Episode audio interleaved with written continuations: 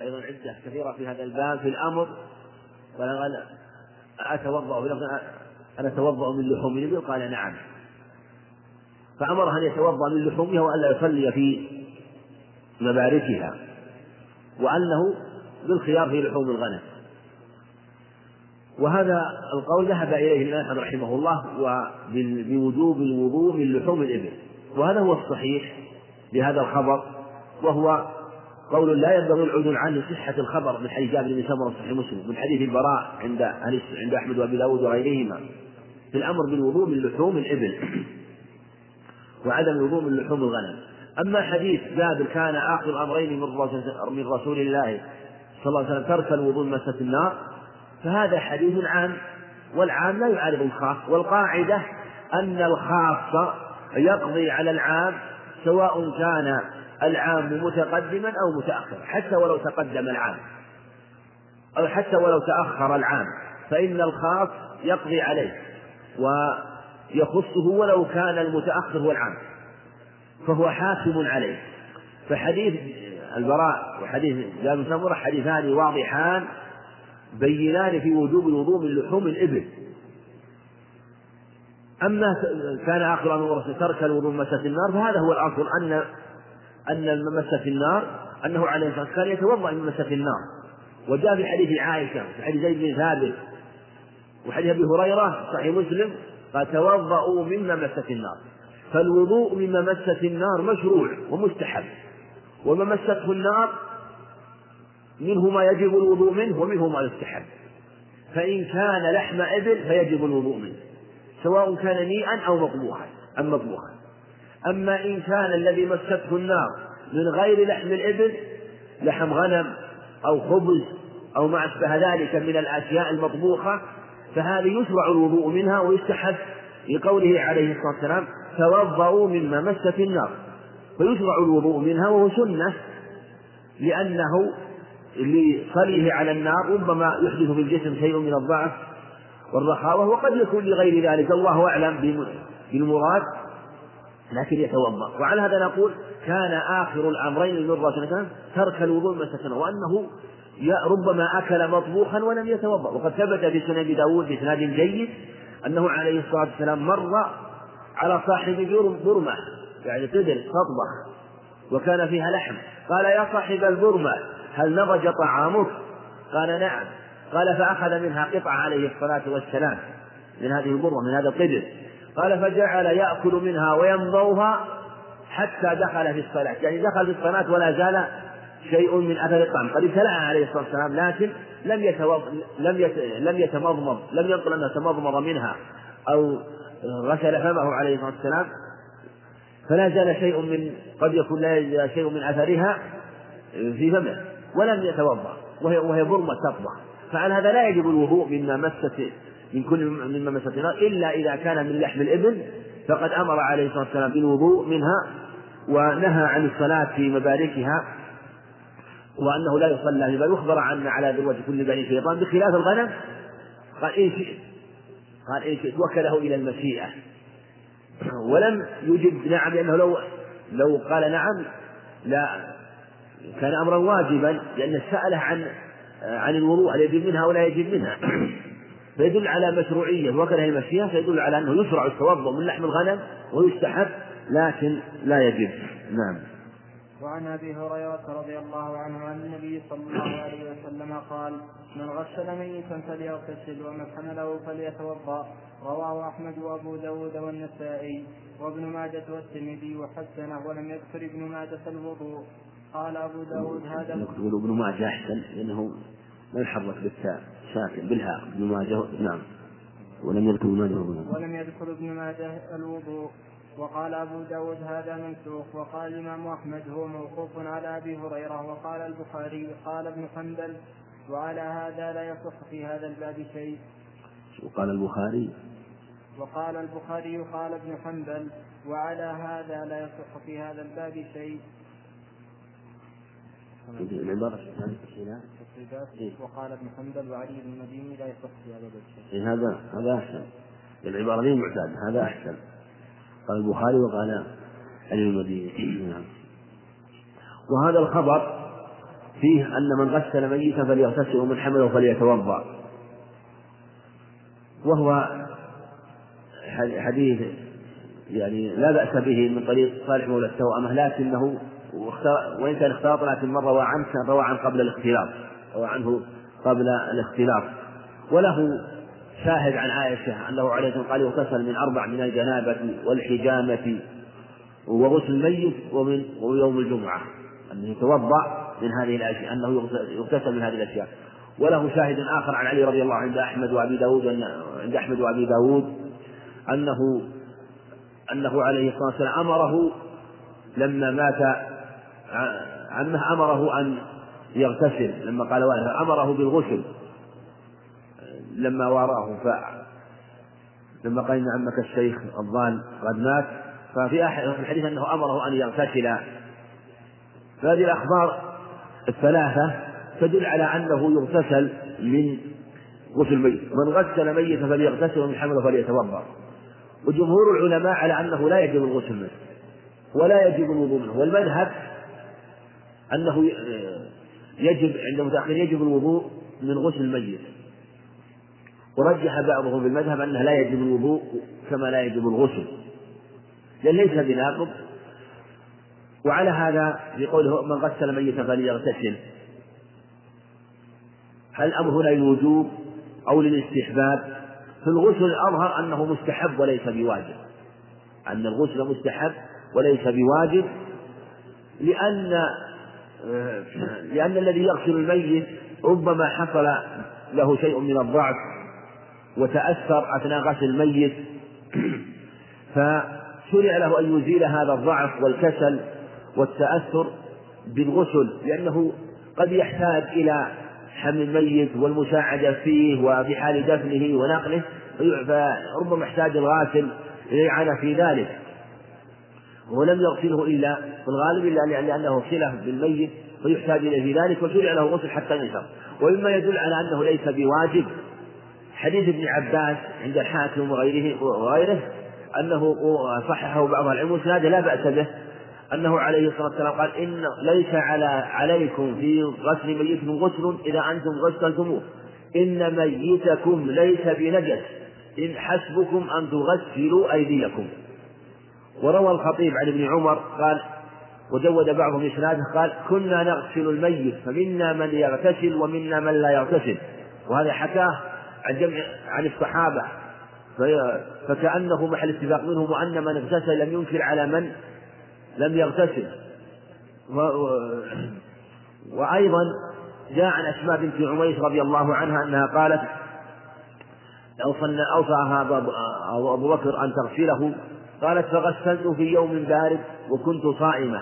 فسألت من فسألت من حضرها من أصحاب النبي صلى الله عليه وسلم فلم يأمروها بالغسل فلم يأمروها بالغسل.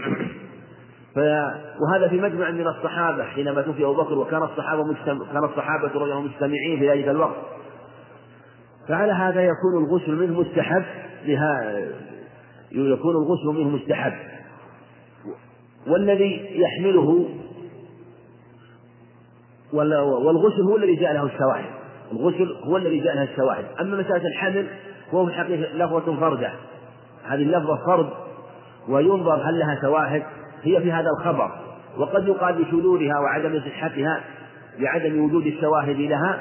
ويمكن يقال إن ثبتت أن أن الوضوء هنا الوضوء لأجل الصلاة. لأنه ربما حمله من, من البيت إلى المسجد. وصلاة الميت يستعجل فيها ولا يتأخر وهي صلاة يسيرة وقصيرة فربما أنه لو لم يستعد للوضوء فاتته صلاة الجنازة. فعليه أن يأخذ بالحجر والحذر وأن يستعد وأن يكون حال وجود الجنازة. لا يقول أين الماء؟ أين الوضوء؟ أين محلات الوضوء؟ لا يكون مستعد ومتجهز حتى لا تفوته صلاة الجنازة. في فيكون متهيئا. فكأنه أراد الأخذ بالحجم لأجل الوضوء من أجل الصلاة على من أجل صلاته عليه. والله أعلم. وصلى الله وسلم على نبينا محمد. أحسن الله إليكم. يقول السائل هل ابتداء مدة المسح من أول مسح بعد حدث أو لا يلزم وجود حدث؟ فإذا جدد الإنسان وضوءه ثم مسح فإنه يبتدي من هذه المدة. ابتداء المسح لا يكون بعد الحدث. المسح بعد الحدث. أو لو أما لو كان متوضئا أما لم كان متوضئا على طهارة غسل ثم بعد جدد الوضوء ولم يحدث هذا لا يؤثر إنما يؤثر إذا كان بعد المسح يعني المسح بعد الحدث. أحسن الله إليكم. ما حكم المسح على الجوربين الشفافين؟ الجوربان إذا كان شفافين لا يمسح عليهما على الصحيح لأنهما في الحقيقة في حكم الظاهر. ولهذا لو أن إنسان لبس ثيابا لا تستر البدن فهو في حكم عاري لا يجوز أن يصلي. فكأن فكأن قدميه عارية عاريتان عاريتان في الحقيقة. نعم. أحسن الله عليكم. والله أعلم. وصلى الله وسلم على نبينا محمد. السلام عليكم. بسم الله الرحمن الرحيم. الحمد لله رب العالمين وصلى الله وسلم على نبينا محمد وعلى آله وصحبه أجمعين. اللهم اغفر لنا ولشيخنا وللسامعين. قال المصنف رحمه الله تعالى باب حكم الحدث عن عطاء بن السائب عن طاووس عن ابن عباس رضي الله عنهما قال قال رسول الله صلى الله عليه وسلم إن الطواف بالبيت صلاة إلا أن الله تعالى حل فيه النطق فمن نطق فلا ينطق إلا بخير. رواه الترمذي ورواه الحكم في ساعة من حديث سفر اليوم. ورواه ورواه الحكم في نعم أقرأ التصويب نعم رواه الترمذي وهذا لفظه وسم وسمويه وابن وسمويه. وسمويه وسمويه وسمويه. يعني التخفيف. نعم. مثل مستويه مستويه وراهويه اللغة يخففون يقول راهويه مستويه مستويه. وأهل الحديث يشددون يقولون في هذا في الراهوية سموية. نعم. سموية أحد أئمة الحديث. نعم. وهذا لفظه وسموية وابن حبان والحاكم. وقال الترمذي وقد روي عن طاووس عن ابن عباس رضي الله عنهما موقوفا ولا نعرفه مرفوعا إلا من حديث عطاء. وقال الإمام نعم. وقال الإمام أحمد عطاء ثقة رجل صالح. وقال ابن معين اختلط فمن سمع منه قديما فهو صحيح. وقد رواه عن غير عطاء. وقد, وقد رواه. وقد رواه غير عطاء عن طاووس فرفعه أيضا. ورواه عبد الله بن ورواه عبد الله بن طاووس وغيره من الأثبات. عن طاووس عن ابن عباس رضي الله عنهما موقوفا وهو أشبه. الحمد لله رب العالمين والصلاة والسلام على نبينا محمد وعلى آله وأصحابه وأتباعه بإحسان إلى يوم الدين.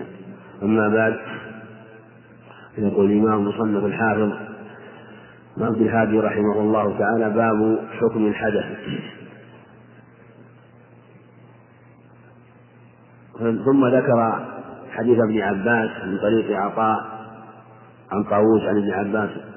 عطاه ابن السائب. وهو معروف بالاختلاط كرب رحمه الله.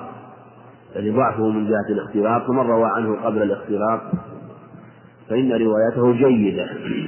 ومن روى عنه بعد الاختلاط فروايته عنه ضعيفة. وهذه قاعدة معروفة لأهل العلم أن بعض المحدثين وبعض الرواة يكون ضعيفا في حال دون حال وفي شخص دون شخص أو في بلد دون بلد وهذا موجود كثير. قد يكون الشخص ضعيف في أهل بلد قوي في أهل آخرين وقد يكون في ضعيفا إذا روى عن فلان وقوي إذا روى عن فلان. مثل هذا وكذلك مثل إسماعيل بن عياش في الشاميين جيد وفي الحجازيين ضعيف. وهذا موجود في الرواة كثير فقد يكون الرجل ثقة لكنه اختلط بسبب من الأسباب فيكون ضعفه من أجل الاختلاط فمن روى عنه قبل الاختلاط فهو جيد فهو جيد. من سفيان بن حسين الواسطي ثقة رجال الشيخين إذا روى عن الزهري فروايته ضعيفة. وابن لهيعة مضاعف مطلقا على على عند جماهير المحدثين لكن إذا روى عنه جمع من الحفاظ العبادلة كعبد الله بن وهب وعبد الله بن يزيد المقري وعبد الله بن المبارك. فإن روايته جيدة. المقصود أن عطاء بن السائب مختلط وهذا الحديث جاء من طريقه وسيأتي أيضا أنه جاء من غير طريقه. وفيه أنه عليه الصلاة والسلام قال إن الطواف البيت صلاة. فمن نطق فلا ينطق إلا بخير. وفي لفظ أقل به الكلام. والحديث كما ذكر المصنف رحمه الله رواه الترمذي من طريق عطاء بن السائب. ورواه أيضا سموية وابن حبان والحاكم. وقد جاء موقوفا والترمذي يقول روي موقوفا ولا نعرف مرفوعا إلا من رواية إلا من حديث عطاء. لكن جاء من رواية سفيان الثوري عن عطاء. وسفيان الثوري روى عن عطاء قبل الاختلاف. فأنا تكون الرواية جيدة. يكون الحديث جيدا لأنه رواه سفيان الثوري عن عطاء قبل الاختلاف. مرفوعا. مرفوعا فتكون الرواية جيدة ويكون سندا مقارئ حسنا.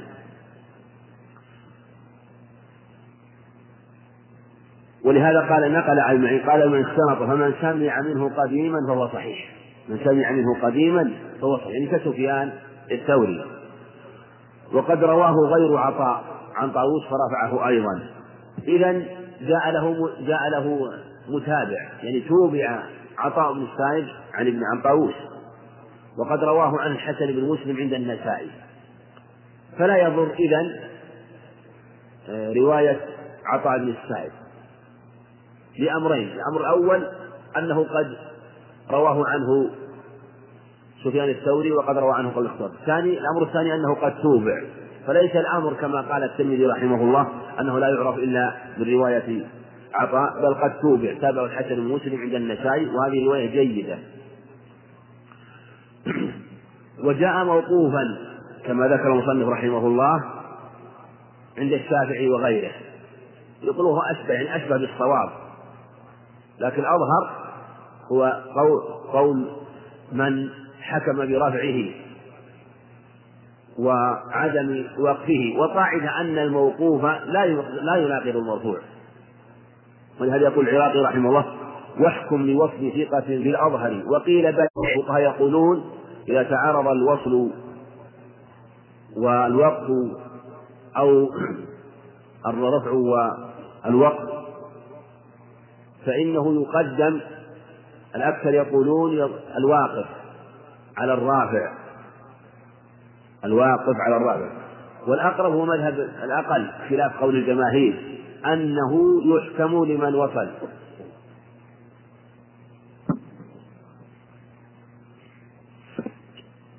أنه يحكم لمن وصل وتعتمد روايته وقوله لأنه ثقة. ثقة كما لو روى حديثا آخر. كما لو روى حديثا آخر. ثم نقول إنه إن كونه يروى عن ابن عباس موقوفا أو مرفوعا هذا لا تنافي هذا يقع في الأحاديث كثيرا. قد يقول الواحد منا قد يقول يسأل ويقول إنما الأعمال بالنيات. وقد يقول لا لا يقبل الله صلاة أحدكم إلى حتى يتوضأ. ولا ولا يقول المتكلم المسؤول قال رسول الله صلى الله عليه وسلم بناء على شهرة الحديث ومعرفته فقد يسمع سامع ويظن أن هذا من كلام المتكلم وليس من كلام النبي عليه الصلاة والسلام. وهذا يقع أيضا الصحابة رضي الله عنهم يفتون ويتكلمون. فقد يذكره ابن عباس رضي الله عنهما مرفوعا إلى النبي عليه الصلاة والسلام وربما لم ينشط أو يكل الأمر إلى معرفة السمع أو لغير ذلك من الأسباب. فيقول مثلا إن الطواف البيت صلاة فمن نطق فلا ينطق إلا بخير ولا يقول قال رسول الله صلى الله عليه وسلم. وفي بعض الأحيان يرفعه ويسنده فلا تنافى فعلى هذا هو حديث جيد مرفوعا وموقوفا. ولا ينافي الموقوف المرفوع. وفيه دلالة لمذهب جماهير أهل العلم في اشتراط الطهارة للطواف. وهو أنه كالصلاة في حكم في وجوب السترة واجتناب النجاسة. وقد كانوا في الجاهلية يطوفون يطوف بعضهم عراة وربما طافت المرأة إذا لم تجد ثوبا من ثياب الحمص. لأنهم لأن قريشا كانت تجبر من يأتي فإما أن يطوف في ثيابه ثم يضعها أو أنه يطوف عاريا. حتى قالت المرأة امرأة تطوف اليوم يبدو بعضه أو كله وما بدا منه فلا أحله. فخالفهم عليه الصلاة والسلام وأرسل أبا بكر رضي الله عنه قبل حجته وأمرهم ونهى ونهاهم عن الطواف عراة. ففيه بيان أن الطواف البيت كالصلاة يعني في يشبه الصلاة وليس المراد أنه كالصلاة في جميع أحكامه لأنه يجوز الأكل فيه والشرب والتكلم بغير يعني يجوز أن يتكلم عامدا فيما لو فعله في الصلاة فإنها تبطل صلاته في حال العمد فلهذا ذهب الجمهور إلى ما إلى إلى إلى معنى هذا الخبر. ومما يدل لقول الجماهير ما ثبت في الصحيحين عن عائشة رضي الله عنها أنه عليه الصلاة والسلام لما قدم مكة طاف بالبيت وقال توضأ توضأ وطاف البيت وقال خذوا عني مناسككم. استأنسوا بهذا مع هذا الحديث فقالوا إنه يشترط له الطهارة. وقد نازع في هذا جمع من أهل العلم وتقي الدين رحمه الله أبو العباس له كلام طويل في هذا حول هذا الحديث وجنح رحمه الله إلى أن اشتراط الطهارة في الطواف لا دليل عليها وأيد هذا بشيء من المعاني والأدلة العامة التي ذكرها والمعاني على طريقة رحمه الله. ثم ذكر مسألة طواف الحائض وهل يجوز لها إلى غير ذلك المسائل التي ذكرها رحمه الله. فالمقصود أن هذا قول وقول جماهير أهل العلم وهو مع السعة والراحة وعدم الضرورة لا شك أنه هو الواجب. لكن عند الضرورة هذا هو موضع النظر موضع النظر في قول الجماهير وفي معنى الحديث. نعم. وروى مالك. وروى مالك عن عبد الله بن أبي بكر وهو ابو وهو ابن محمد بن عمرو بن حزم أن في الكتاب الذي كتبه رسول الله صلى الله عليه وسلم لعمرو بن حزم ألا يمس القرآن إلا طاهر وهذا مرسل وقد رواه أحمد وأبو داود في المراسيل والنسائي والدار قطني وابن حبان من رواية الزهري عن أبي بكر بن محمد ابن عمرو عن أبيه عن جده ورواية وراويه, وراويه, وراويه عن الزهري سليمان بن داود الخولاني وقيل الصحيح أنه سليمان بن أرقم وهو مسروق. وهذا الحديث عن الحديث حديث مشهور معروف وقد جاء مرسلا رواية عبد الله بن أبي بكر بن محمد بن عمرو بن حزم وهو ثقة. وفي لا يمس القرآن إلا طاهر. وينبغي أن النظر في عجزه للإمام أحمد رحمه الله. وهل هذا اللفظ موجود عند الإمام أحمد؟ ينظر المسند وهل هذا هو موجود بهذا اللفظ؟ وأبو داود في المراسيل أيضا رواه. واختلف في في صحته. وهو حديث جاء في ضمن حديث العقود والديات حديث طويل وحديث اعتمده العلماء يرجعون إليه في الخلاف في ذكر الدية وأحكام الدية وأنه كتبه رسول الله صلى الله عليه وسلم لأهل اليمن وأخبرهم بما يجب عليهم وأمر بالعمل بما في هذا الكتاب. ثم سليمان بن داود راوي هو الخولاني. هل روى عن الجمهور مباشرة أو عن سليمان بن أرقم؟ في أكثر روايات عند النسائي أنه روى عن سليمان بن أرقم وهو متروك. فإن كان من طريق سليمان بن أرقم فيكون ضعيفا. لكن له شواهد الحديث مما يقويه أن له شواهد من حديث حكيم بن حزام من حديث ابن عمر. ثم أيضا هو فتوى الصحابة رضي الله عنهم أنس بن مالك وابن عمر وسلمان الفارسي ولا يعرف آه، عن غيرهم خلاف لهم رضي الله عنهم فدل على أنه أمر مشهور معروف في ذلك الوقت وأنه قول الصحابة رضي الله عنهم وقول جمهورهم فربما دعي فيه الإجماع الإقراري وهو أن ينتشر القول ولا يظهر خلاف ولا يظهر خلاف هذا القول.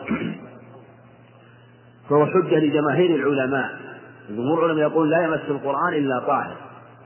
ونازع بعضهم في مسمى الطاهر لكن الطاهر عندما يطلق المراد بالطهارة من الحدث. حدثين الحدث الأصغر والحدث الأكبر. وإن كان الطاهر يطلق على المؤمن في قول في قوله عليه الصلاة والسلام إن المؤمن لا ينجس. ويطلق الطاهر على الطاهر من النجاسة لأن الموضع النجس يسمى نجس. وإذا طهر سمي موضعا طاهرا. لكن متبادل من هذا الحديث مراد من الطهارة. الطهارة من الحديث الأصغر والأكبر. لأن الحديث أرسله عليه لأنه لأن هذا الحديث في ضمن حديث طويل وقال لهم عليه الصلاة والسلام لا يمس القرآن إلا طاهر يخاطب أهل الإسلام فهو خطاب لأهل الإسلام. فلا يناسب أن يخاطب أهل الإسلام في مخاطبة أهل الإسلام أن يذكر المعنى الذي هو المراد به أنه لا يمسه إلا مؤمن. هذا لو كان مثلا بين قوم كفار يقال هذا المعنى لا تمكن الكافر من مس المصحف مثلا كما نهى عن المسافرة بالقرآن إلى أرض العدو. أما الخطاب لأهل الإسلام فلا يناسب هذا المعنى بل مناسب أن يقال إنه لا يجوز لكم أيها المكلفون أن تمسوا القرآن إلا وأنتم على طهر. من الحدث الأكبر ومن الحدث الأصغر وهو فتوى الصحابة رضي الله عنهم. وهذا معنى واضح أيضا من تأمل. فالقرآن أعظم أعظم من المسجد وأجل وأكرم وأكبر. والجنب لا يمكث في المسجد. فإذا كان الجنب لا يمكث في المسجد إذا كان لم يغتسل أو إذا كان لم يتوضأ على القول الثاني لأهل العلم لا يمكث في المسجد إلا مرورا أو عبورا فكون فكون حالة فالمصحف من أعظم وأعظم بأنه لا يمسه إلا المتطهر الطهارة الكاملة ولا يكون عليه ولا يحل في جسمه لا يكون عليه لا حدث أصغر ولا حدث أكبر. فالمقصود أن هذا الخبر مع فتوى الصحابة دليل لقول جماهير العلماء وهم الأئمة الأربعة. نعم. وفي الصحيحين في حديث هرقل أن النبي صلى الله عليه وسلم كتب إليه بسم الله الرحمن الرحيم من محمد من محمد عبد الله ورسوله إلى هرقل عظيم الروم وفيه يا أهل الكتاب تعالوا إلى كلمة سواء بيننا وبينكم ألا نعبد إلا الله ولا نشرك به شيئا ولا يتخذ بعضنا بعضا أربابا من دون الله فإن تولوا فقولوا اشهدوا بأننا مسلمون. وفي هذا الحديث أراد المصنف رحمه الله أن يبين أنه لا يدخل في قوله لا يمس القرآن إلا طاهر. لا يمس القرآن إلا طاهر. أنه لا يدخل فيه الآية والآيتان التي يكون في كتابتها مصلحة ولو كان لكافر. ولهذا كتب النبي عليه الصلاة والسلام إلى هرقل عظيم الروم وكانوا كفرة. كتب له بهذا القرآن ودعاهم إلى الإسلام. في هذا بيان أن مثل هذا جائز لأنه إما أن يقال إنه ليس داخلا في مسمى القرآن لأنها آية آية أو آيتان أو يقال أنه وإن كان قرآن لأنها لأن الآية لأن الآية أو الآيتين لو كتبت في في ورقة فلا يمسها المحدث لأن القرآن حكمه لا يتغير. القرآن حكمه سواء كان في ورقة واحدة أو في ورقات أو في مصحف قرآن كامل فلو كان كتب مجموعة من سورة أو آيات من القرآن في ورقة كتبت بالقلم فإنها لا يمسها إلا طاهر إذا كانت مجردة عن غير القرآن. أو يقال إن هذه الآية إن إنما كتب عليه الصلاة والسلام في ضمن رسالة كتبها والقرآن إذا اختلط بغيره لا يأخذ حكم القرآن ككتب التفسير ككتب التفسير والحديث والفقه فلا فلا بأس أن يمس المحدث كتب التفسير. إذا كان الغالب إذا كان الغالب غير القرآن غير القرآن. إذا كان الغالب غيره فإنه لا بأس بذلك. أما إذا كان أكثر من القرآن مثل يكون مصحف ومعه كلمات أو تفسير خفيف يسير لبعض الآيات وهي كلمات يسيرة والغالب القرآن فلا يمس المصحف فلا يمسه لأنه مصحف فالعبرة للغالب. فتارة يكون الكلام مع المصحف أكثر والقرآن ككتب التفسير فهذا لا بأس. والحالة الثانية أن يكون القرآن أكثر فهذا لا يمسه لأن الحكم الأغلب والحالة الثالثة يستويان فإذا استويا غلب جانب القرآن فلا يمسه.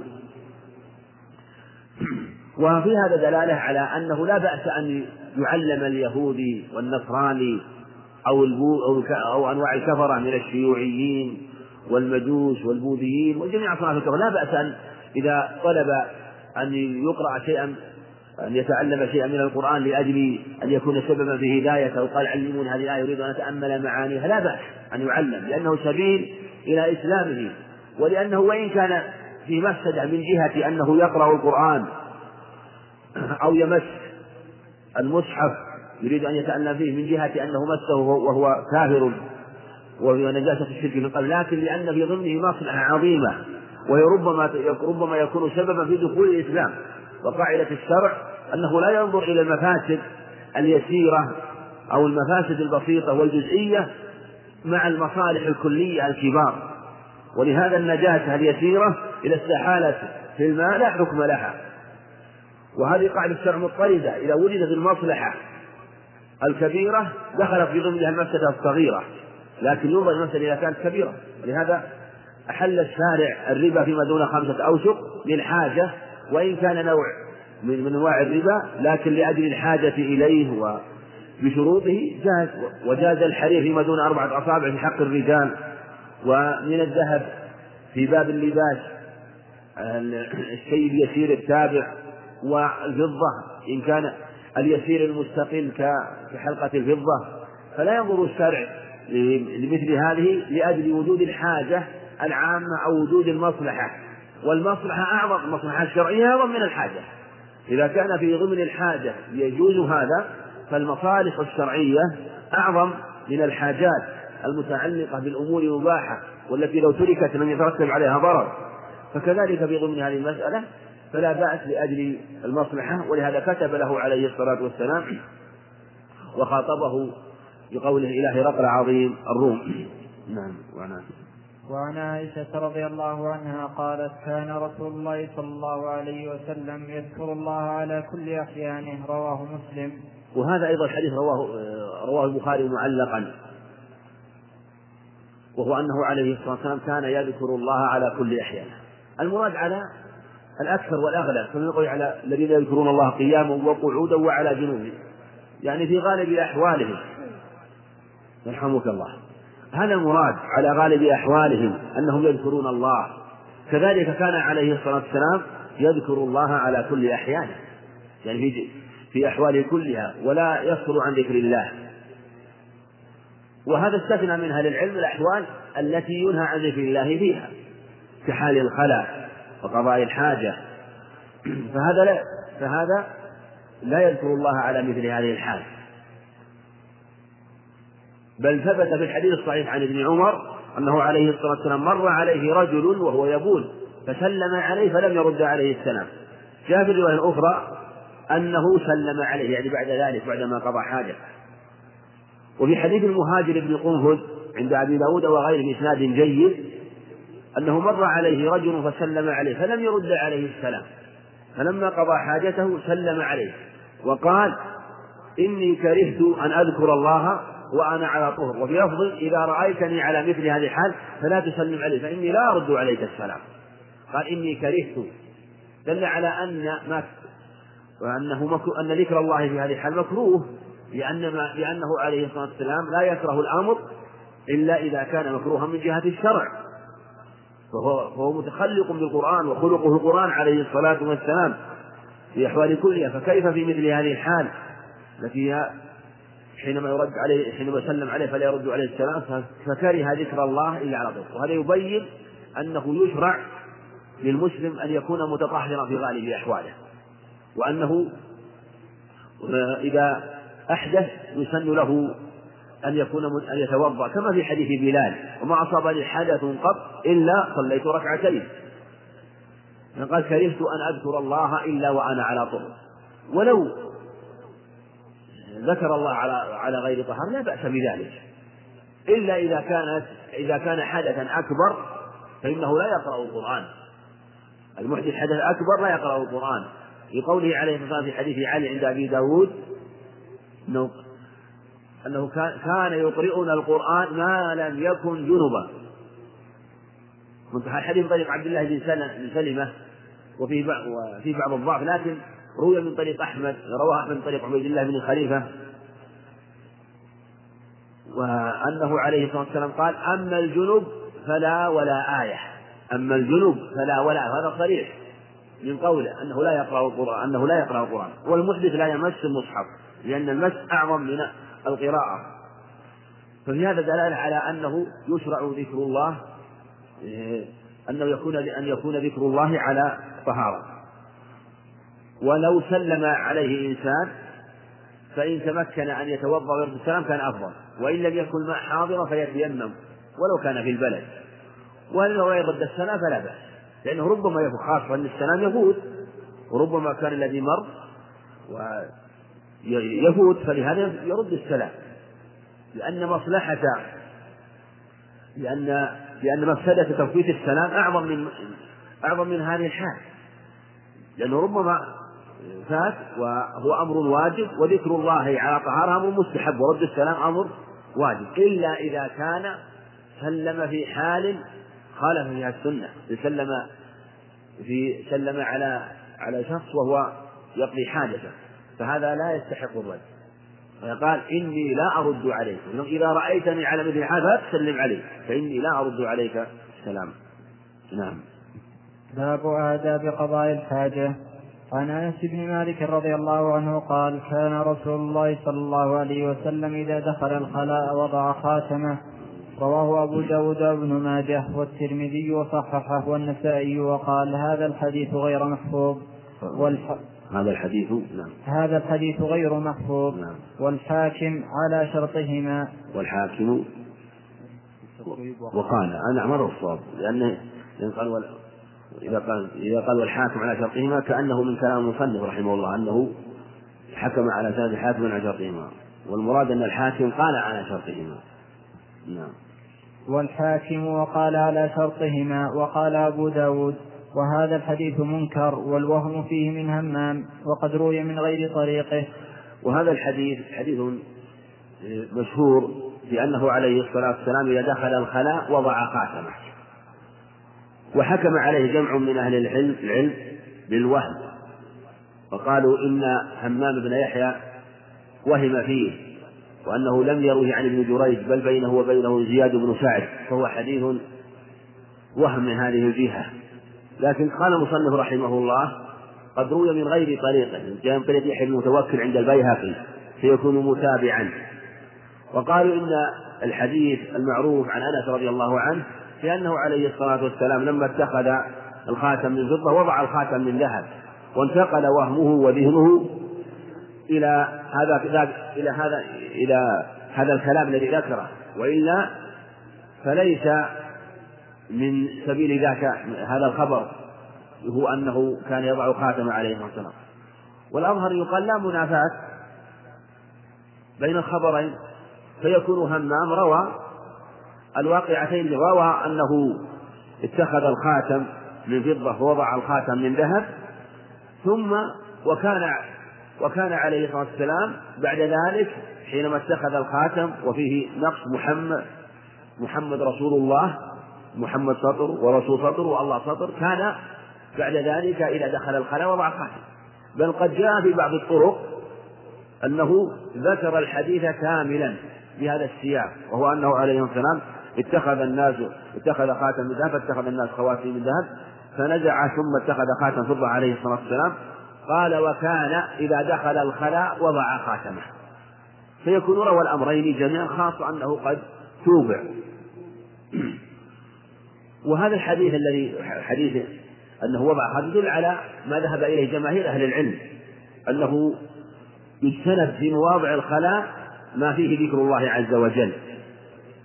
وأعظم ما يكون ذلك القرآن وأنه لا يدخل به الخلاء أو ما يكون مكتوبا وفيه شيء من ذكر الله أو الأخبار والأحاديث عنه عليه الصلاة والسلام فإنه يجتنب بها مواضع الخلاء. ولهذا جاء في الخبر أنه يضع خاتمه هذا من فعله. فيدل على أنه عند الحاجة لا بأس بذلك. لا بأس بذلك. ولو احتاج إلى حمل أوراق فيها فيها ذكر لله أو كان معه خاتم في ذكر الله وخشي أنه إذا وضعه أنه يضيع أو يسرق فلا يضيع المال لأنه فلا يضيع هذا ما معه فعليه أن يحفظه ولا يلزم ذلك لأنه يترتب على تركه خارج الخلاء إضاعة له وهو, مأمور بحفظ ماله. المقصود أن ما فيه ذكر لله عز وجل دال من جهة المعنى أنه يجي أنه يشرع حفظه عن هذه المواضع إن إن مواضع مستقبرة ومما يدل على هذا ما سبق معنا في حديث حديث ابن عمر أنه عليه الصلاة والسلام سلم عليه رجل فلم يرد عليه السلام. وفي اللفظ الآخر سبق أنه إذا إني كرهت أن أذكر الله على طهر. فيدل على أنه يكره استصحاب ما فيه ذكر لا من جهة النطق والقول ولا من جهة الفعل باستصحابه. إلا من جهة. فلهذا يجتنب في هذه المواضع حمل هذه الأشياء إلا عند الحاجة فلا بأس بذلك. نعم. وعن المغيرة بن شعبة رضي الله عنه قال كنت مع النبي صلى الله عليه وسلم في سفر فقال يا مغيرة خذ الإداوة فأخذتها. فانطلق رسول الله صلى الله عليه وسلم حتى توارى عني فقضى حاجته متفق عليه. نعم. وفي هذا أنه عليه الصلاة والسلام كان يبتعد في حال قضاء الحاجة قال انطلق حتى توارى عني. وهذا هو المعروف من سنته عليه الصلاة والسلام أنه كان يبتعد في حال قضاء حاجته. وفي حديث أبي داود أنه كان إذا أراد البراز انطلق حتى لا يراه أحد. وهذا معروف من آل العرب أنهم لم يكونوا يتخذون الكنف المحلات المعدة لقضاء الحاجة يكونوا يتخذونها في في بيوتهم كما قالت عائشة أمرنا أمر العرب الأول أو الأول. كانوا يستنكفون ويكرهون وجودها في في, في المنازل. ثم اتخذ الناس اتخذ الناس بعد ذلك. لهذا كان ينطلق عليه الصلاة والسلام. وفيه أنهم كانوا يجتهدون في خدمته عليه الصلاة والسلام ويصحبونه وينقلون أفعاله في مثل هذه الأحوال وأنهم يجتهدون في نقلها حتى في مثل هذه الحال لأنها من الأمور المشروعة التي يعرف فيها آداب قضاء الحاجة. وقال فانطلق حتى توارى عني يعني حتى لا أراه. وربما قضى حاجته عليه الصلاة والسلام في موضع قريب كما سيأتي في حديث حذيفة أنه وقف عند عنده. وفي لفظ أنه أنه. أنه ابتعد عن عن النبي عليه الصلاة والسلام فأشار إليه. أن ادنوا. فدنا حتى قام عند عقبيه. حتى قام عند كما سيأتي في حديث حذيفة هذا يبين في بعض المواضع لا بأس خاصة إذا كان آه، قضاء الحاجة بولا. والعرب لم يكونوا وكان عليه الصلاة والسلام على طريقة العرب وكانوا لم يكونوا أيضا يستنكفون في مسألة البول بل في حال قضاء حاجة من الغائط يبتعدون. أما هذا ربما كانوا قريبين من القوم كما فعل في في حديث حذيفة عليه الصلاة والسلام. نعم. وعن عبد الله بن جعفر قال أردفني النبي صلى الله عليه وسلم خلفه فأسر إلي حديثا لا أحدث به أحدا من الناس وكان أحب ما استتر به لحاجته هدف أو حائش نخل. رواه مسلم. وأيضا وهذا فيه مثل ما سبق أنه عليه الصلاة والسلام إما أن يبتعد حتى لا يرى. وهذا هو المشروع من كان في موضع موضع فإنه إما أن يستتر بشيء ولا يلزم أن يبتعد. إلا إذا كان قريب جدا ربما خرج منه صوت أو بدر منه رائحة ربما تؤذي من, من عنده فإن عليه أن يجمع بين الابتعاد والاستتار. لكن لا يكون ابتعاده كثيرا إذا كان مستتر. وإن كان في موضع مكشوف فالأفضل والسنة أن يبتعد حتى لا يرى ولهذا الحديث حديث المغيرة كما سبق فانطلق حتى توارى عني ستر حتى لا يرى وفي هذا أنه كان ربما استتر بالهدف يعني الموضع المرتفع من حصى أو مجمع تراب أو رمل فكان يستتر بهذا عليه الصلاة والسلام ليقضي حاجته أو حائط نخل يعني جماعة النخل. وهذا ربما أنه كان في النخل غير المثمر أو في النخل المهجور يعني الذي ليس موضع ظل يستظل به ففي هذه الحال لا بأس بذلك وسيأتي بيان المواضع التي لا يجوز قضاء الحاجة فيها. وفي قد كان أحب ستر لحدث هدفه حاجة نخل لأنه أكمل في الاستيثار أكمل في الاستيثار وربما أيضا يكون أخفى لما يبدو منه ويصدر منه. نعم. وعن أنس رضي الله عنه قال كان رسول الله صلى الله عليه وسلم إذا دخل الخلاء قال اللهم إني أعوذ بك من الخبث والخبائث متفق عليه. وقال البخاري وقال سعيد بن زيد حدثنا عبد العزيز إذا أراد أن يدخل الخلاء ولسعيد بن منصور في سننه كان يقول بسم الله. نعم وهذا في دعاء الدخول. وقد كان عليه الصلاة والسلام من سنته كما في الحديث إذا دخل الخلاء قال اللهم إني أعوذ بك من الخبث والخبائث. الخبث يقال بتسكين الباء وبضمها. الخبث جمع خبيث والخبائث جمع خبيثة. الخبث جمع خبيث ذكران الشياطين والخبائث جمع خبيثة إناثهم. وقيل الخبث الشر والخبائث أهله. فالمعنى أعوذ بك من ذكران الشياطين وإناثهم أو أعوذ بك من الشر وأهله. والمعنى صحيح. لأنه إذا تعوذ بالله من الشر وأهل وكلا المعنيين صحيح. إذا تعوذ بالله من الشر وأهله فقد تعوذ وأو لم يتعوذ بالله منه هم الشياطين. ذكرانهم وإناثهم. لأن هذه المواضع هي مواضع الشياطين مواضع الخلاء يجتمع فيها الشياطين.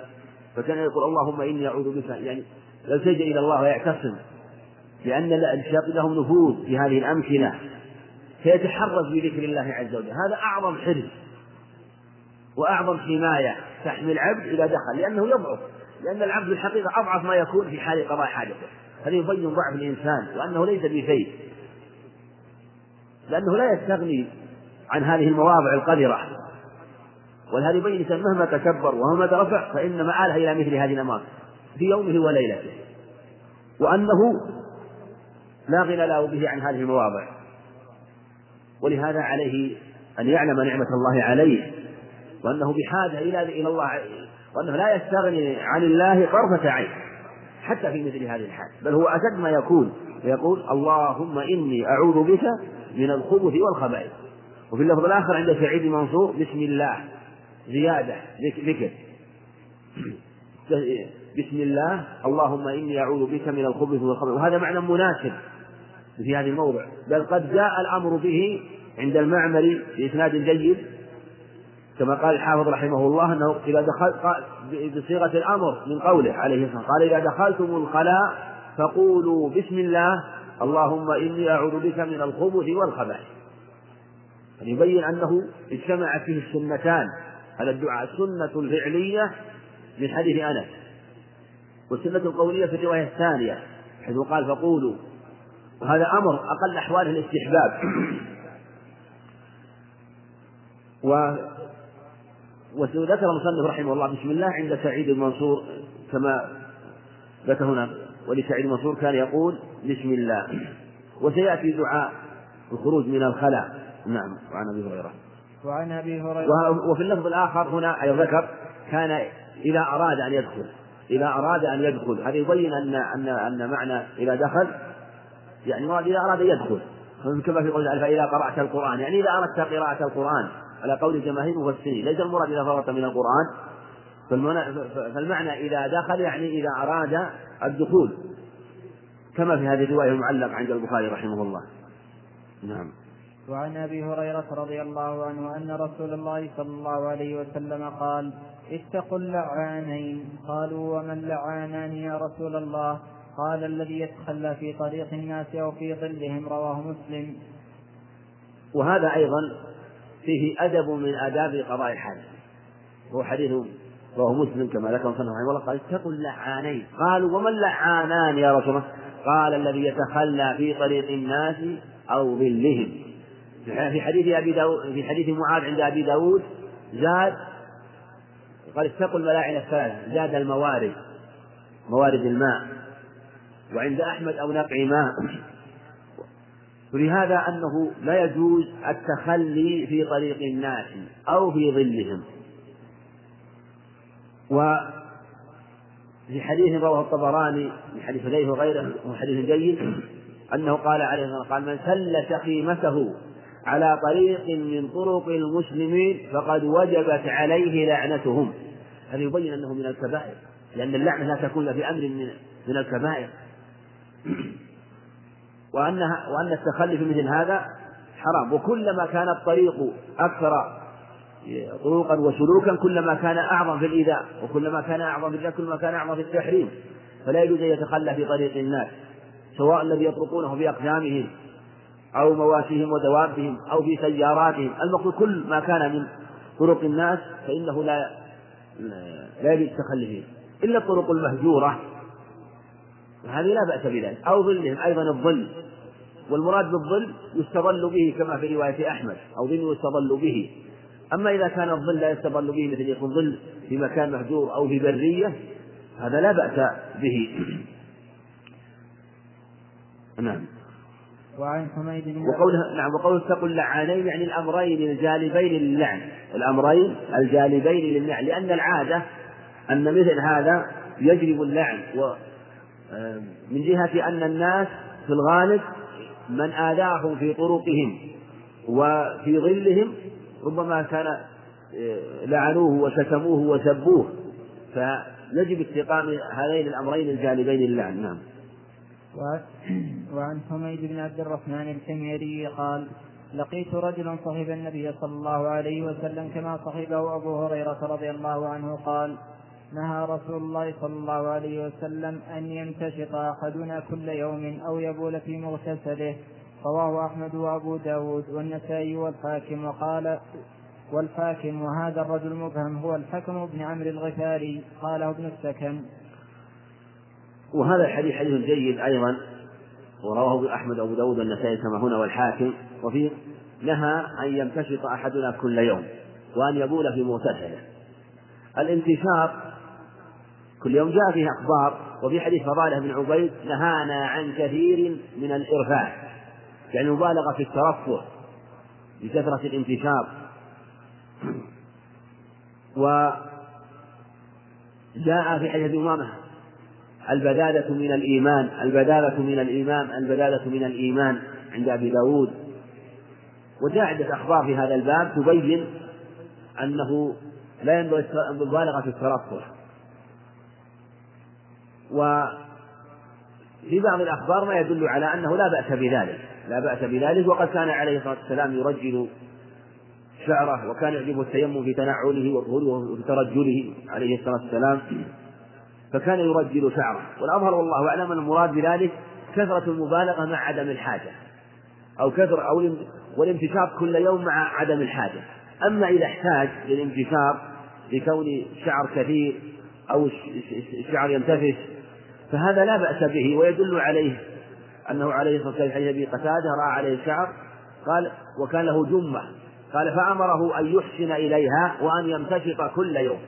فعلى هذا يجمع بين الأخبار في الإذن في في الدلالة يجمع بين الأخبار التي دلت على الإذن في الانتشاط كل يوم والأخبار التي نهت عنه وفي اللفظ الآخر نهى عن الترجل إلا غبا يجمع بينها إما بحمل النهي على خلاف الأولى أو كراهة التنزيل والإذن على الجواز. أو يقال وهو أظهر أن هذا أن الانتشار كل يوم لمن احتاج إليه لكثرة شعره أو أنه يتعقد وربما آه، لم يحسن شعره إلا بأن ينشطه كل يوم وفي معناه أيضا اللحية. فهذا لا بأس به ولهذا جاء الإذن فيه. وهو على وهو على كل حال خلاف الأولى بدلالة الأخبار على ذلك عند عدم الحاجة. وفي وكذلك أو يبول في مغتسله. كذلك فيه البول في المغتسل. النهي عن البول في المغتسل. وشاهده أيضا عند أبي داود من حديث عبد الله بن مغفل أنه نهى عن البول في المغتسل. والبول في المغتسل بعض العلماء قال إن هذا محمول على البول في المكان الرخم إذا كان في أرض لينة لا ينصب فيها البول والماء.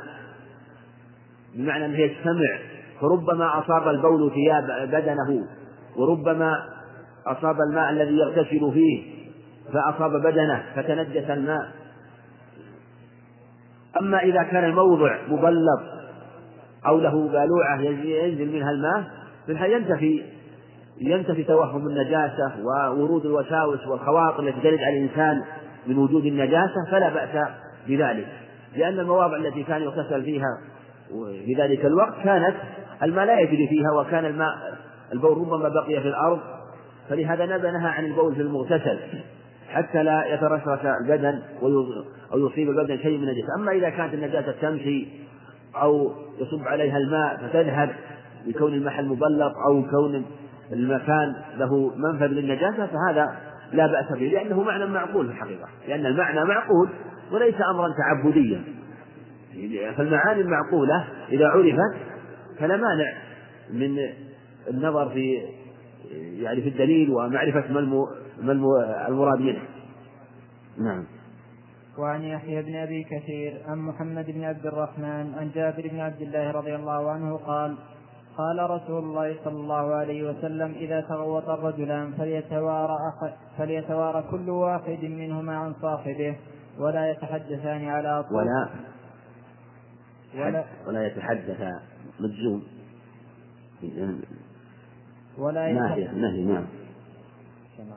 ولا يتحدث على طوفيهما فإن الله ينقص على ذلك.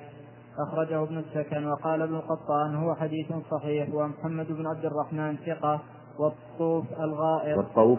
والطوف الغائط قاله الجوهري. نعم. وفي هذا النهي عن التحدث حال قضاء الحادث إذا قال إذا تغوط الرجلان فليتوارى كل منه على الآخر ولا يتحدثا. على طوفهما. الطوف هو الغائط فإن الله يمقت على ذلك. ودليل على أنه أمر محرم لأن المقت لا يكون إلا أمر محرم. وهذا الحديث صححه ابن القطان كما هنا وله شاهد من حديث سعيد الخدري عند أبي داود في هذا المعنى وهو النهي للرجلين أو الرجل أو المرأتين أو الرجل والمرأة لأنه إذا نهي عن الرجلين عن عن عن, عن التحدث حال قضاء الحادث بين الرجلين فالنهي بين الرجل والمرأة أكثر النهي بين المرأة أشد لأنه أقبح وكذلك أيضا الحكم بين المرأتين لأن باب العورة في حقها أغلظ وأشد فهي أولى بالحكم لأن لكن المعنى خرج على الأغلب في مثل هذا. والأصل هو استواء الإحكام والخطاب للذكور والإناث وفيه النهي كما في هذا الحديث والأمر بالتواري بالتواري وأنه لا يجوز وأنه لا يجوز التحدث. ظاهر النهي لا يجوز التحدث لأن حالة في الحقيقة يعني مستقبح أن يكون يتحدث. هذا على حاجته وهذا على حاجته. خاصة في حال التغوط وقد يتغوط الرجلان. أن يتحدث على هذا وظاهر كما سبق هو التحريم إلا من ضرورة. إلا من ضرورة فلا بأس لأن الضرورات لا أحكامها. نعم. وعن عائشة رضي الله عنها قالت ما بال ما بال رسول الله صلى الله عليه وسلم منذ أنزل عليه القرآن قائما؟ رواه أحمد وأبو عوانة في مسنده. رواه أحمد نعم. رواه أحمد. رواه أحمد وأبو عوانة في مسنده الصحيح بهذا اللفظ. وعند الترمذي والنسائي وابن ماجه وابن حبان والحاكم نحوه. وقال الترمذي هو أحسن شيء في هذا الباب وأصح. نعم. وعن ابن جريج عن نافع عن ابن عمر رضي الله عنهما قال قال رسول الله صلى الله عليه وسلم لا سبوا لا سبوا القائما رواه ابن حبان. وقال أخاف أن ابن جريج لم يسمع من نافع هذا الخبر وقد ثبت عن ابن عمر رضي الله عنهما أنه بال قائما. وهذا الحديث عائشة رضي الله عنها رواه الترمذي أيضا من طريق رواه الترمذي كما هنا أيضا من طريق وهو من طريق شريك بن عبد الله النخعي. وفيه بعض الضعف رحمه الله. ولكن توبع تابعه سفيان الثوري عند أحمد عند أحمد فيكون بهذه المتابعة جيد. معنى هذا يكون الحديث صحيحا عن عائشة رضي الله عنها أنها قالت أنه عليه السلام ما بال قائما منذ أنزل عليه القرآن. وهذا فيما يظهر الله أعلم أنها بحسب علمها. فأخبرت عن علمها وإلا فقد بال قائما كما سيأتي حديث حذيفة. صحيحين أنه بال قائما عليه الصلاة والسلام. وهذا يدل على أنه جائز ولا بأس به وإن كان الأولى أن يبول قاعدا لكن لو بال قائما فلا كراهة في ذلك. أما حديث النهي عن البول قائما فإنه لا يصح. حديث ابن عمر عند ابن حبان لا تبول قائما حديث لا يصح ولا يثبت. وجامع الطرق وكل طرقه لا تثبت في النهي عن البول قائما. والحديث مثل ما ذكر المصنف رحمه الله أنه لم يسمعه ابن جريج عن نافع. قال ابن حبان قال أخاف أن ابن جريج لم يسمعه من نافع. وهو من طريق عبد الكريم أبو أمية عبد الكريم أبي المخارق وهو متروك. وهو سمعه من عبد الكريم أبي أمية أبو المخارق. فعليه يكون ضعيفا جدا من هذا الطريق. وذكر المصنف رحمه الله أنه في قوله ثبت عن ابن عمر أنه بال قائما يبين إشارة كأنه إشارة إلى ضعف الخبر من جهة أنه جاء عن ابن عمر وهو روى الخبر أنه بال قائما إذ لو إذ لو صح إلى ابن عمر عن النبي عليه الصلاة والسلام ما بال قائما. وهذا ليس بلازم قد يروي الصحابي حديث وقد يخالفه لأسباب كثيرة معروفة لأهل العلم منها ربما يكون نفي وربما يكون اجتهد لكن بجمل الخبر لم يثبت. الخبر لا يعني وقد جاء عن ابن عمر خلاف ما ذكر المصنف رحمه الله. وهو ما رواه ابن أبي شيبة عن ابن وبزار بإسناد صحيح أنه قال ما بلت قائما منذ اسلمت ما بلت قائما منذ اسلمت لكن البول قائما لا بأس به وسيأتي في حديث حذيفة. نعم. وعن حذيفة بن اليمان رضي الله عنه قال أتى النبي صلى الله عليه وسلم سباطة قوم فبال قائما ثم دعا بماء فجئته بماء فتوضأ. متفق عليه ولفظه للبخاري. وليس في مسلم فدعا بماء فجئته بماء نعم وعن عاصم بن بهدلة وحماد بن أبي سليمان عن أبي وائل عن المغيرة عن المغيرة بن شعبة. أن رسول الله صلى الله عليه وسلم أتى على سباطة قوم فبال قائما قال حماد ففحج رجليه. رواه أحمد وهذا لفظه وابن خزيمة في صحيحه. وأعله أحمد برواية منصور والأعمش. عن أبي وائل عن حذيفة. وحديث حذيفة هذا هو المعروف في الصحيحين أنه من رواية حذيفة. لكن جاء عند عن عند أحمد من رواية المغيرة بن شعبة أنه أتى سباطة قوم وبال قائما. فعل هذا وسندها جيد. فلا يمنع أن يكون الحديث من رواية صحابيين وأن الحادثة وقعت مرتين. الحادثة وقعت مرتين أو وقعت مرة واحدة وشاهده المغيرة وهو يبول قائما في قصة حذيفة. قد يكون هذا وقد يكون قد تكون واحدة حادثة واحدة رواها صحابيان وقد تكون حادثتين. وفيه ما سبق أنه بال قائما. أتى سباطة قوم السباطة مجمع الكناسة والزبائن فبال قائما. ولأنه كأنه والله أعلم كما قال جمع من العلم لأن الكناسة مرتفعة وتجتمع هذه المجال بعضها على بعض فربما لو بال قائما أصابه شيء من ذلك. فبال قائما لأجل الحاجة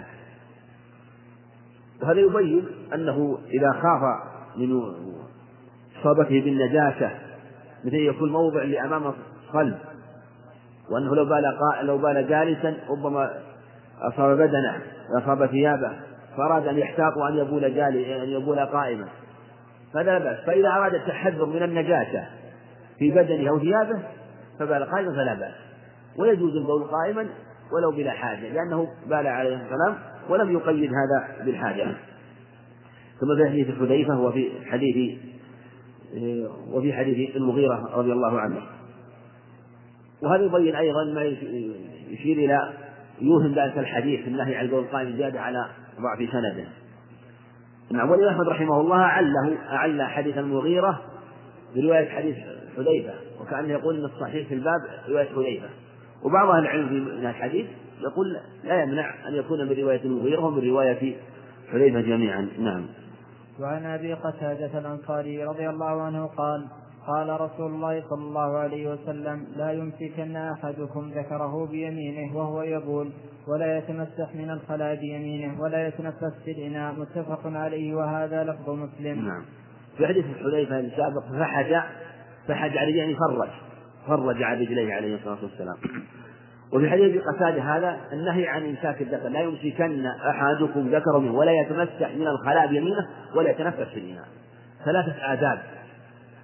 وهو أولا إمساك الذكر وظاهر هذا العموم في كل حال أنه لا يجوز إمساك الذكر باليمين على سواء كان في حال قضاء الحاجة أو في غير حال قضاء الحاجة وأنه لا يمسك الذكر لأن اليمين ينبغي إكرامها للأشياء المستحسنة فلا يمس ذكره بيمينه. ويدل على أن النهي عام في جميع الأحوال وأنه ليس خاصا في حال قضاء الحاجة أنه عليه الصلاة والسلام نهى أن يمس ذكره بيمينه أن نهى أن يتمسح بيمينه يعني حال قضاء الحاجة نهى أن يتمسح بيمينه. وإذا كان حال قضاء الحاجة إذا كان في حال قضاء الحاجة ربما احتاج إلى يمينه وهو موضع حاجة ومع ذلك نهي أن يمس ذكره بيمينه في مثل هذه الحال. رب وأنه ربما احتاج إلى ذلك وأمر أن أن يتمسح بشماله. هذا يدل على أنه في غير موضع الحاجة من باب أولى في غير قضاء الحاجة من باب أولى لإطلاق هذه اللفظة. لإطلاقها ولدلالة تلك الرواية في النهي أن يتمسح من الخلاء بيمينه فالنهي عن غير في غير حال قضاء الحاجة من باب أولى. وفيه النهي عن التمسح باليمين. هذا محل اتفاق من أهل العلم لكن اختلف فيه هل هو للتحريم والكراهة والأظهر هو التحريم لأن أصل في النواهي التحريم. والمراد بالتمسح باليمين يعني أن يمسك الحجر أو التراب أو المنديل بيمينه ويمسح ذكره بالتراب أو بالمنديل أو بالحجر بيمينه. ليس المراد أن يمسح النجاسة بيمينه لا مسح النجاسة بيمينه هذا باتفاق العلم لا يجوز. بل بالشمال أيضا لا يجوز لأن لا لا لا يجوز أن يتلطخ بالنجاسة. لكن المراد لا يتمسح يعني لا يستخدم آلة المسح من تراب أو حجر أو مناديل باليمين هذا المراد. ولا يتمسح من الخلاء بيمينه. والأدب الثالث ولا يتنفس ولا يتنفس يعني حال شربه ولا يتنفس في الإناء. المراد أن يكون النفس في الماء يعني يشرب ويتنفس قبل أن يبعد الماء عن فيه. أما التنفس خارج الإناء هذا هو المشروع. والمراد أن يتنفس خارج الإناء لا داخل الإناء. والمراد أيضا أن يشرب بثلاث أنفاس أما إذا شرب بنفس ولم يتنفس فلا بأس.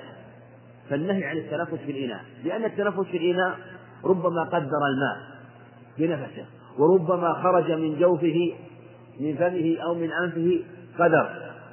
فأفسد الماء إما عليه هو أو على غيره وهو أقبح. فلهذا نهي عن التنفس في الإناء. نعم. وعن سلمان الفارسي رضي الله عنه قال قيل له قد علمكم نبيكم كل شيء حتى القراءة.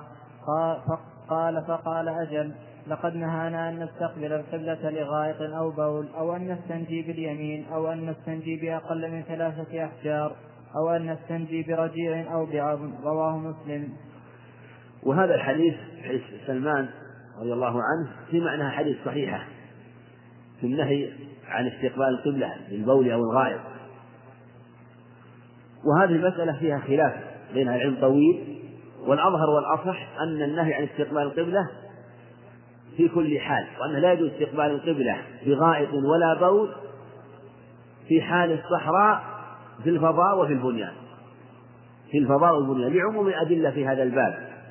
وفي حديث أبي أيوب لا تستقبلوا قبلة بول ولا غائط ولكن فرقوا أو غربوا. يعني من كان على يعني قبلته على قبلة المدينة أو على شمسهم ومن كان قبلته إلى غير قبلة الجنوب والشمال مثل النجد إلى جهة الغرب ومن على شمس هذا هذا نقول له شمل أو جنب. يعني إلى جهة الشمال أو جهة الجنوب. ولا يستقبل الجهة. وهذا عام في كل حال. هذا هو الأظهر. ثم جميع المعاني التي ذكروها موجودة في حال البنيان الحقيقة. إلا إذا كان البناء قد بني إلى جهة القبلة فهذا لا حيلة فيه فلا يؤمر بالاستدارة لأن فيه مشقة. أما في حال الاختيار في حال الاختيار فإنه عليه أن لا يتجه إلى القبلة سواء كان في الفضاء أو في البنيان كذلك نهي عن الاستنجاء باليمين كما سبق في حديث أبي قتادة أنه لا يستنجي باليمين.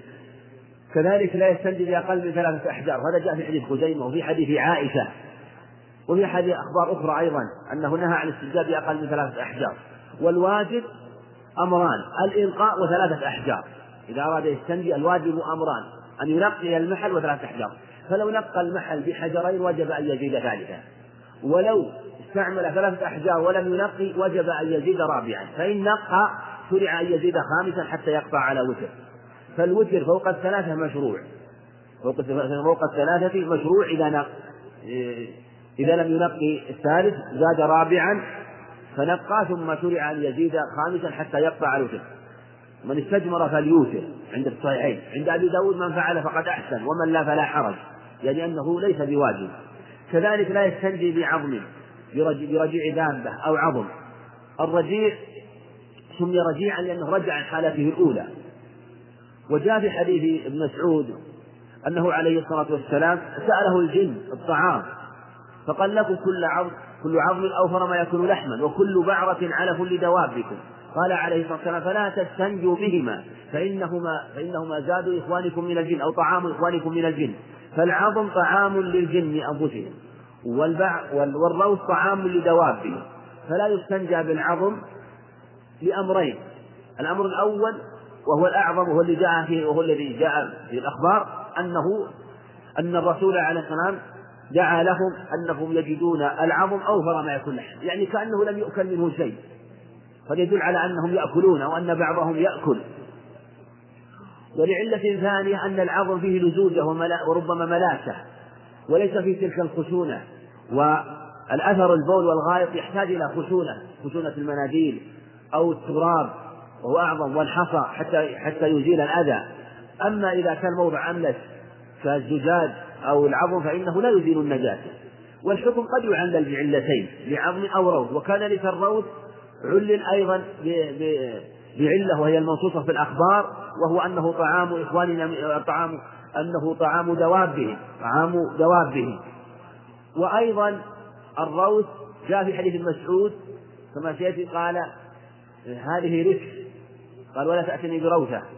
ولما جاء روثة قال هذه رفس قال ائتني بثالث والرفس هو الرفس وهذا يبين أن الروث ربما فالروث قد يكون نجسا وقد يكون طاهرا. فإن كان من مأكول اللحم فهو طاهر. فإذا كان طاهرا لا يجوز الاستنجاء به لأنه طاهر وينجس الطاهر ولأنه يكون طعاما للجن لدوابه وإن كان نجسا فإن النجاسة لا تزيل النجاسة. ولأنه إذا كان روث الروث من الدواب التي روثها نجس فإنه يتنجس يزيد موضع نجاسة فهو لعلتين إما لطهارته فلا ينجسه أو لنجاسته فإنه لا يزيل النجاسة عن نفسه فلا يزيلها عن غيره من باب أولى. نعم. وعن عبد الله بن عمر رضي الله عنهما قال ارتقيت فوق بيت حفص ارتقيت فوق بيت حفصة لبعض حاجتي فرأيت رسول الله صلى الله عليه وسلم يقضي حاجته مستدبر القبلة مستدبر القبلة مستقبل الشام. متفق عليه واللفظ للبخاري. نعم نعم. وعن جابر بن عبد الله رضي الله عنه قال نهى نبي الله صلى الله عليه وسلم أن نستقبل القبلة ببول. فرأيته قبل أن يقبض بعام يستقبلها. رواه أحمد وأبو داود وابن ماجه وابن ماجه والترمذي وقال حسن غريب. وابن خزيمة وابن حبان والحاكم وصححه البخاري وقال ابن عبد البر وليس حديث جابر مما يحتج به عند أهل العلم بالنقل.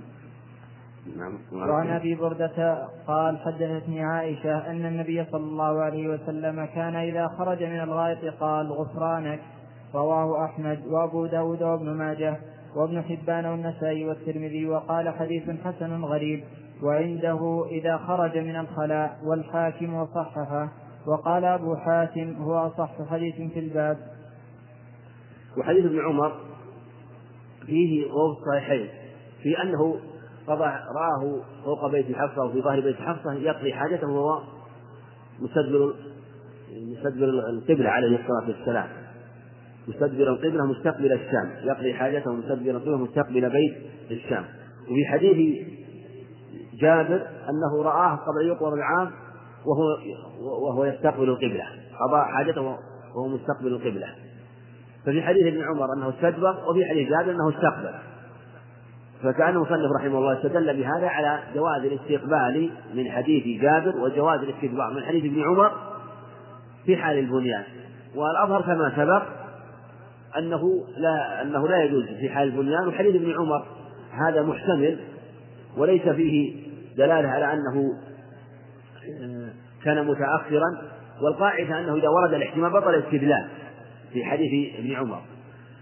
و وفيه أنه قد يكون بال قضى حاجته في مثل هذا الموضع لحاجة أو لسبب من الأسباب. ف وقد يكون قبل النهي وقد يكون لغير ذلك من الاحتمالات. وحديث جابر في سنده ضعف لأنه طريق من إسحاق لكن صرح عند أحمد بالتحديد فيكون جيدا لهذا. والجواب الأسلم كما سبق أن حديث أبي أن حديث أبي أيوب وما جاء في معناه حديث محكمة وواضحة وصريحة في النهي عن الاستقبال مطلقا. ومما يدل على أن النهي على عمومه في كل حال أن أبا أيوب رضي الله عنه قال فقدمنا الشام فوجدنا مراحيض بنيت من قبل القبلة فكنا ننحرف عنها ونستغفر الله. هذا حكى ذلك وفاة النبي عليه الصلاة والسلام في مجمع من الصحابة ويدل على أنه فهم من النهي العموم في كل حال والصحابي فهمه مقدم على فهم غيره ولم ينقل عن الصحابة رضي الله عنهم ولم ينقل عن ابن عمر. شيء واضح في مثل هذه الخبر. فكان البقاء على الخبر الواضح المحكم أولى من الأخذ بالأخبار المحتملة. وحديث عائشة رضي الله عنها فيه أنه كان إذا خرج من الخلاء قال غفرانك وحديث جوده بعض العلم من طريق يوسف بن أبي الأشعري قال في التقريب أنه مقبول.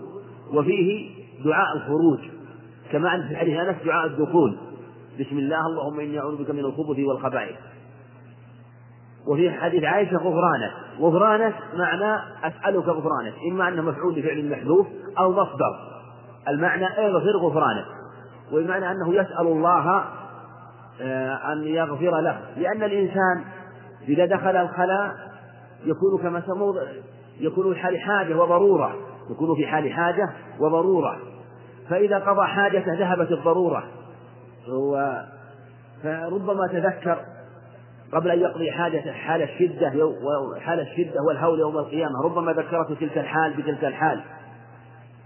فناسب أن يسأل الله المغفرة وأن يهون عليه تلك الشدة. أو أن المعنى أنه يسأل الله المغفرة لأنه يسر له هذا الطعام في الأكل ويسر له خروجه. فسأل الله المغفرة لأنه مقصر في شكر هذه النعمة. نعم باب الاستجمار. باب باب الاستجمار والاستنجاء. وعن عبد الله بن مسعود رضي الله عنه قال أتى النبي صلى الله عليه وسلم الغائط فأمرني أن آتيه بثلاثة أحجار فوجدت حجرين والتمست الثالث فلم أجد فأخذت روثة فأتيته بها فأخذ الحجرين وألقى الروثة وقال هذا ذكر رواه البخاري والترمذي وعلله. ثم قال هذا حديث فيه اضطراب ورواه الإمام أحمد والدار قطني وفي آخره ائتني بحجر وفي لفظ للدار قطني ائتني بغيرها. وهذا كما سبق حديث عبد الله بن مسعود أنه أمر يأتي بثلاثة أحجار وهو متفق مع الأخبار الأخرى في أنه يجب ثلاثة أحجار وهذا هو الصواب أنه يجب ثلاثة أحجار وأنه لا يجزئ إلا هذا القدر. وفيه أنه لما جاءه بحجرين والروث رده عليه الصلاة والسلام وقال في لفظ قال هذه رك فأخذ الحجرين. عند أحمد ائتني بثالث هذا يبين أنه متأكد جدا مع أنه في حال قضاء الحاجة وذهب وأتى بحجرين فأمره أن يذهب وينتظر وانتظر عليه الصلاة والسلام حتى جاء بالحجر الثالث فأزال به إلى ذا قال ائتني بغيرها بغير الروثة. وقوله ائتني بغير الروثة موافق للأخبار الأخرى في النهي عن الاستنجاء آه، عن الاستجمار بالروثة نعم. وعن يعقوب بن كاسب عن سلمة بن رجاء عن الحسن بن فرات عن أبيه عن أبي حازم عن أبي هريرة رضي الله عنه أن رسول الله صلى الله عليه وسلم نهى أن يستنجى بعظم أو روث وقال إنهما لا يطهران. رواه أبو رواه أبو أحمد بن عدي والدار قطني فكل إسناد وقال وقال إسناده صحيح. نعم. وقال ابن عدي لا أعلم من رواه عن, عن فرات القزاز غير ابنه الحسن وعن الحسن سلمة بن رجاء وعن سلمة بن كاسب. وسلمة أحاديثه أحاديث أفراد وغرائب ويحدث عن قوم بأحاديث لا يتابع عليها. وهذا الحديث رواية يعقوب بن كاسب عن سلمة بن رجاء عن الحسن فرات عن أبيه عن أبي حازم عن أبي هريرة هو سند. حسن والدار قطري صحها رحمه الله وفيه النهي أن يستنجى بعظم أو وقال إنهما لا يطهران وهذا موافق للأخبار الأخرى في النهي عن الاستنجاء بالعظام والأرواح ولكن في زيادة في هذا الخبر أنهما لا يطهران. هذا يبين أن النهي يقتضي الفساد كما أنه يقتضي التحريم. فقال إنهما لا يطهران. وقد ذهب جمع من أهل العلم وإن كان خلاف قول الجمهور لأنه لا يجزئ. لو استنجى بعظم لا يجزئ الاستنجاء. وكأن النجاسة باقية فعليه أن يستنجي آه، بغير العظم بالأحجار. ولو استنجى بروث فإن عليه يستنجي ثانية. لأنه قال لأنه حكم عليه كلام وأخبر. قال لا يطهران بهذا الخبر. ليبين أنه مع التحريم أنه لا يجزي الاستنجاء. وذهب أكثر العلماء إلى أنه يحرم مع مع الإجزاء. قالوا لأن لأنها أمر معقول والمقصود إزالة النجاسة والنجاسة قد زالت لكن التعليل هذا وإن كان يعني معروف يأتي في الأخبار لكن يقبل إذا لم يأتي شيء يخالفه. أما إذا جاء من النصوص ما يخالف ويبين خلاف للتعليل فلا اجتهاد ولا قياس ولا نظر مع النص لأنه عليه قال لا يطهران. والنفي الطهارة يبين إثبات النجاسة. وأن النجاسة باقية على حالها فعليه أن يستنجي بغيرهما مما يجوز الاستنجاء به. نعم. وروى شعبة عن أبي معاذ واسمه عطاء بن أبي ميمونة قال سمعت أنس بن مالك رضي الله عنه يقول كان رسول الله صلى الله عليه وسلم يدخل الخلاء فأحمل أنا وغلام نحوي إداوة من ماء وعنزة فيستنجي بالماء متفق عليه. وفي هذا بيان أنه عليه الصلاة والسلام والحديث الصحيحين أنه كان يستنجي بالماء. وفيه أن أنس رضي الله عنه كان هو غلام يعني معه نحو في السن يصاحبون النبي يصاحبان النبي عليه الصلاة والسلام ويحملان نداوة وهي إناء من جلد صغير إناء صغير من جلد وعنزة وهي الرمح الصغير وكان يحملها عليه الصلاة والسلام. فيه الاستنجاء بالماء. ومشروعية الاستنجاء بالماء. وقد أنكر بعض الصحابة والاستنجاء بالماء ولعل لم يبلغهم السنة في هذا. ويروى عن حذيفة رضي الله عنه قال لا تزال يدي في نتن من جهة أنه من جهة الاستنجاء بالماء وكان وكانوا يقولون بالاستنجاء بالأحجار أو بالتراب لا بالاستنجاء بالماء. والصواب ما ما دلت عليه السنة لأنه عليه الصلاة والسلام كان يستنجي منها بل بل الاستنجاء بالماء أبلغ من الاستنجاء بالأحجار لأنه أبلغ التطهير والاستنجاء على ثلاثة أحوال. أكملها أن يستنجي بالأحجار أو بالتراب ونحوها أولا ثم بعد ذلك يستنجي بالماء يستجمر بالأحجار ثم يستنجي بالماء. فيجمع بين مطهرين طهارة بالأحجار استجمار بالأحجار ثم الطهارة بالماء. هذه الرتبة العليا. الرتبة الثانية أن يستنجي بالماء وحده. الرتبة الثالثة أن يستنجي بالأحجار وحدها.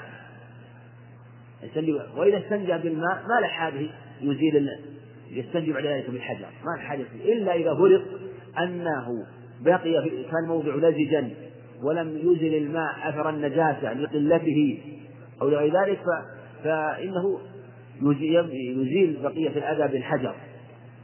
فالمقصود أن الاستنجاء بالماء من سنته عليه الصلاة والسلام وفيه أنه عليه الصلاة والسلام كان يستصحب مع العنزة والعنزة فيها مصالح فيها أن يستصحبها لأجل أن يستتر بها ومن الحاجات أنه ربما احتاج للتراب فحفر بها الأرض فيحفر بها الأرض لأجل أن يستنجي مثلا إذا كانت أرض صلبة وأيضا ربما أن يدفع بها بعض الأذى قال وفي حديث ابن عمر قال فمن ثم اتخذها الأمراء سنة يعني إيه، كما كان يفعل عليه الصلاة والسلام. والله أعلم وصلى الله وسلم وبارك على نبينا محمد.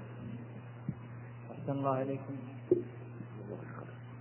يقول السائل ما حكم إهداء نسخة من التفسير المترجمة معانيه إلى بعض النصارى العمال حتى يتعرفوا على الدين؟ نعم. ما حكم إهداء القرآن المترجم بالتفسير إلى النصارى العمال حتى يتعرفوا على الدين.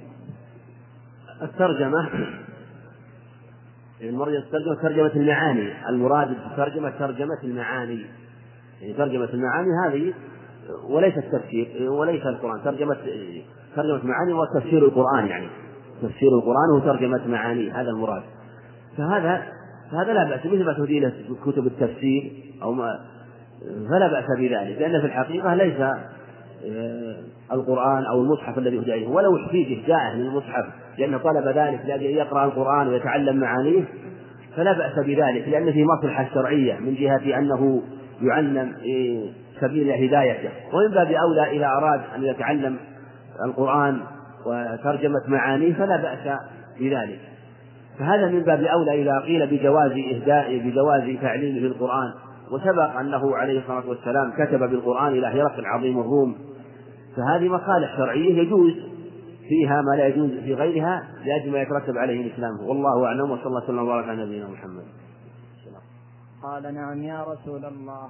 قال إذا أعجلت أو أضحكت فلا غسل عليك وعليك الوضوء. متفق عليه. لكن لم يذكر البخاري قول لكن لم يذكر البخاري قوله إنما الماء من الماء. ولا قال فلا غسل عليك.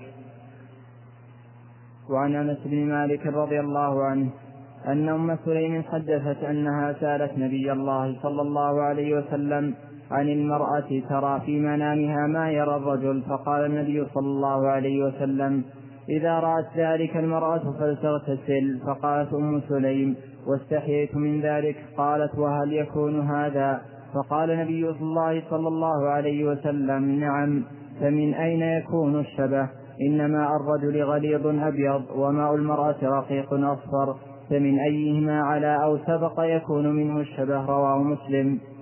وعن أبي هريرة رضي الله عنه قال قال رسول الله صلى الله عليه وسلم إذا جلس بين شعبها الأربع ثم جهدها فقد وجب الغسل. متفق عليه. زاد مسلم وإن لم ينزل. أصحابه وأتباعه بإحسان إلى يوم الدين. أما بعد فيقول الإمام الحافظ المصنف ابن عبد الهادي رحمه الله تعالى باب أسباب الغسل أي الأسباب الموجبة للغسل. عن أبي سعيد الخدري هو سعد بن مالك بن سنان صحابي مشهور رضي الله بني خدرة من الأنصار. قال خرجت مع رسول الله صلى الله عليه وسلم. حاصل هذا الحديث أن عتبان المالك لما جاءه النبي عليه الصلاة والسلام وكان قد خالط زوجته فلما علم للنبي عليه الصلاة والسلام معه خرج يجر وزاره فقال لعلك أقحفت أو أو الناس فقال نعم يا رسول الله.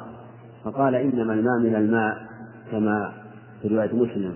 ولهم قال لا إذا إذا عجلت أو أقحفت فلا غسل عليك فلا غسل عليك. إنما الماء من الماء كما في رواية عند مسلم. وهذا الخبر صحيح كما ذكر المصنف رحمه الله وفيه بيان الحالة الأولى التي كان عليها المسلمون في أول الأمر وهو أنه لا يجب الغسل إلا من الإيلاج مع الإنزال يعني أنه لا يجب الغسل إذا جامع الرجل أهله فإنه لا لا يجب الغسل إلا مع الإنزال. أما إذا حصل الجماع بلا إنزال فليس الغسل واجبا. ويقال إنما الماء من الماء يعني الماء الذي يغتسل به من الماء من المني يعني من المني. وهذا من الجناس التام وهو اتفاقها الاتفاق في اللفظ والاختلاف في المعنى. مثل قوله تعالى ويوم تقوم الساعة يقسم المجرمون ما لبثوا غير ساعة. الساعة الأولى هي يوم القيامة. هي يوم القيامة. والساعة الثانية هي جزء من الزمن. المقصود أنه أنه أن الأمر في أول أن أن الأمر في أول الإسلام أن الغسل ليس واجبا إلا مع الإنزال ثم بعد ذلك نسخ هذا الحكم نسخ هذا الحكم كما في حديث أبي بن كعب أنه أن هذا رخصة كما رواه الترمذي وغيره أن هذا رخصة في أول الإسلام أن الماء من الماء. ثم بعد ذلك أمروا بالغسل يعني حينما يجامع ولو لم ينزل كما في الرواية الثانية كما عند مسلم وإن لم ينزل. والأحاديث صريحة في هذا الباب في وجوب الغسل من الجماع. صريحة في وجوب الغسل من الجماع وإن لم ينزل ولهذا في حديث هريرة إذا جلس بين شعبها الأربع ثم جهدها فقد وجب الغسل. يعني شعبها نواحيها. والشعب الأربع اختلف فيها والأقرب أنها اليدان والرجلان.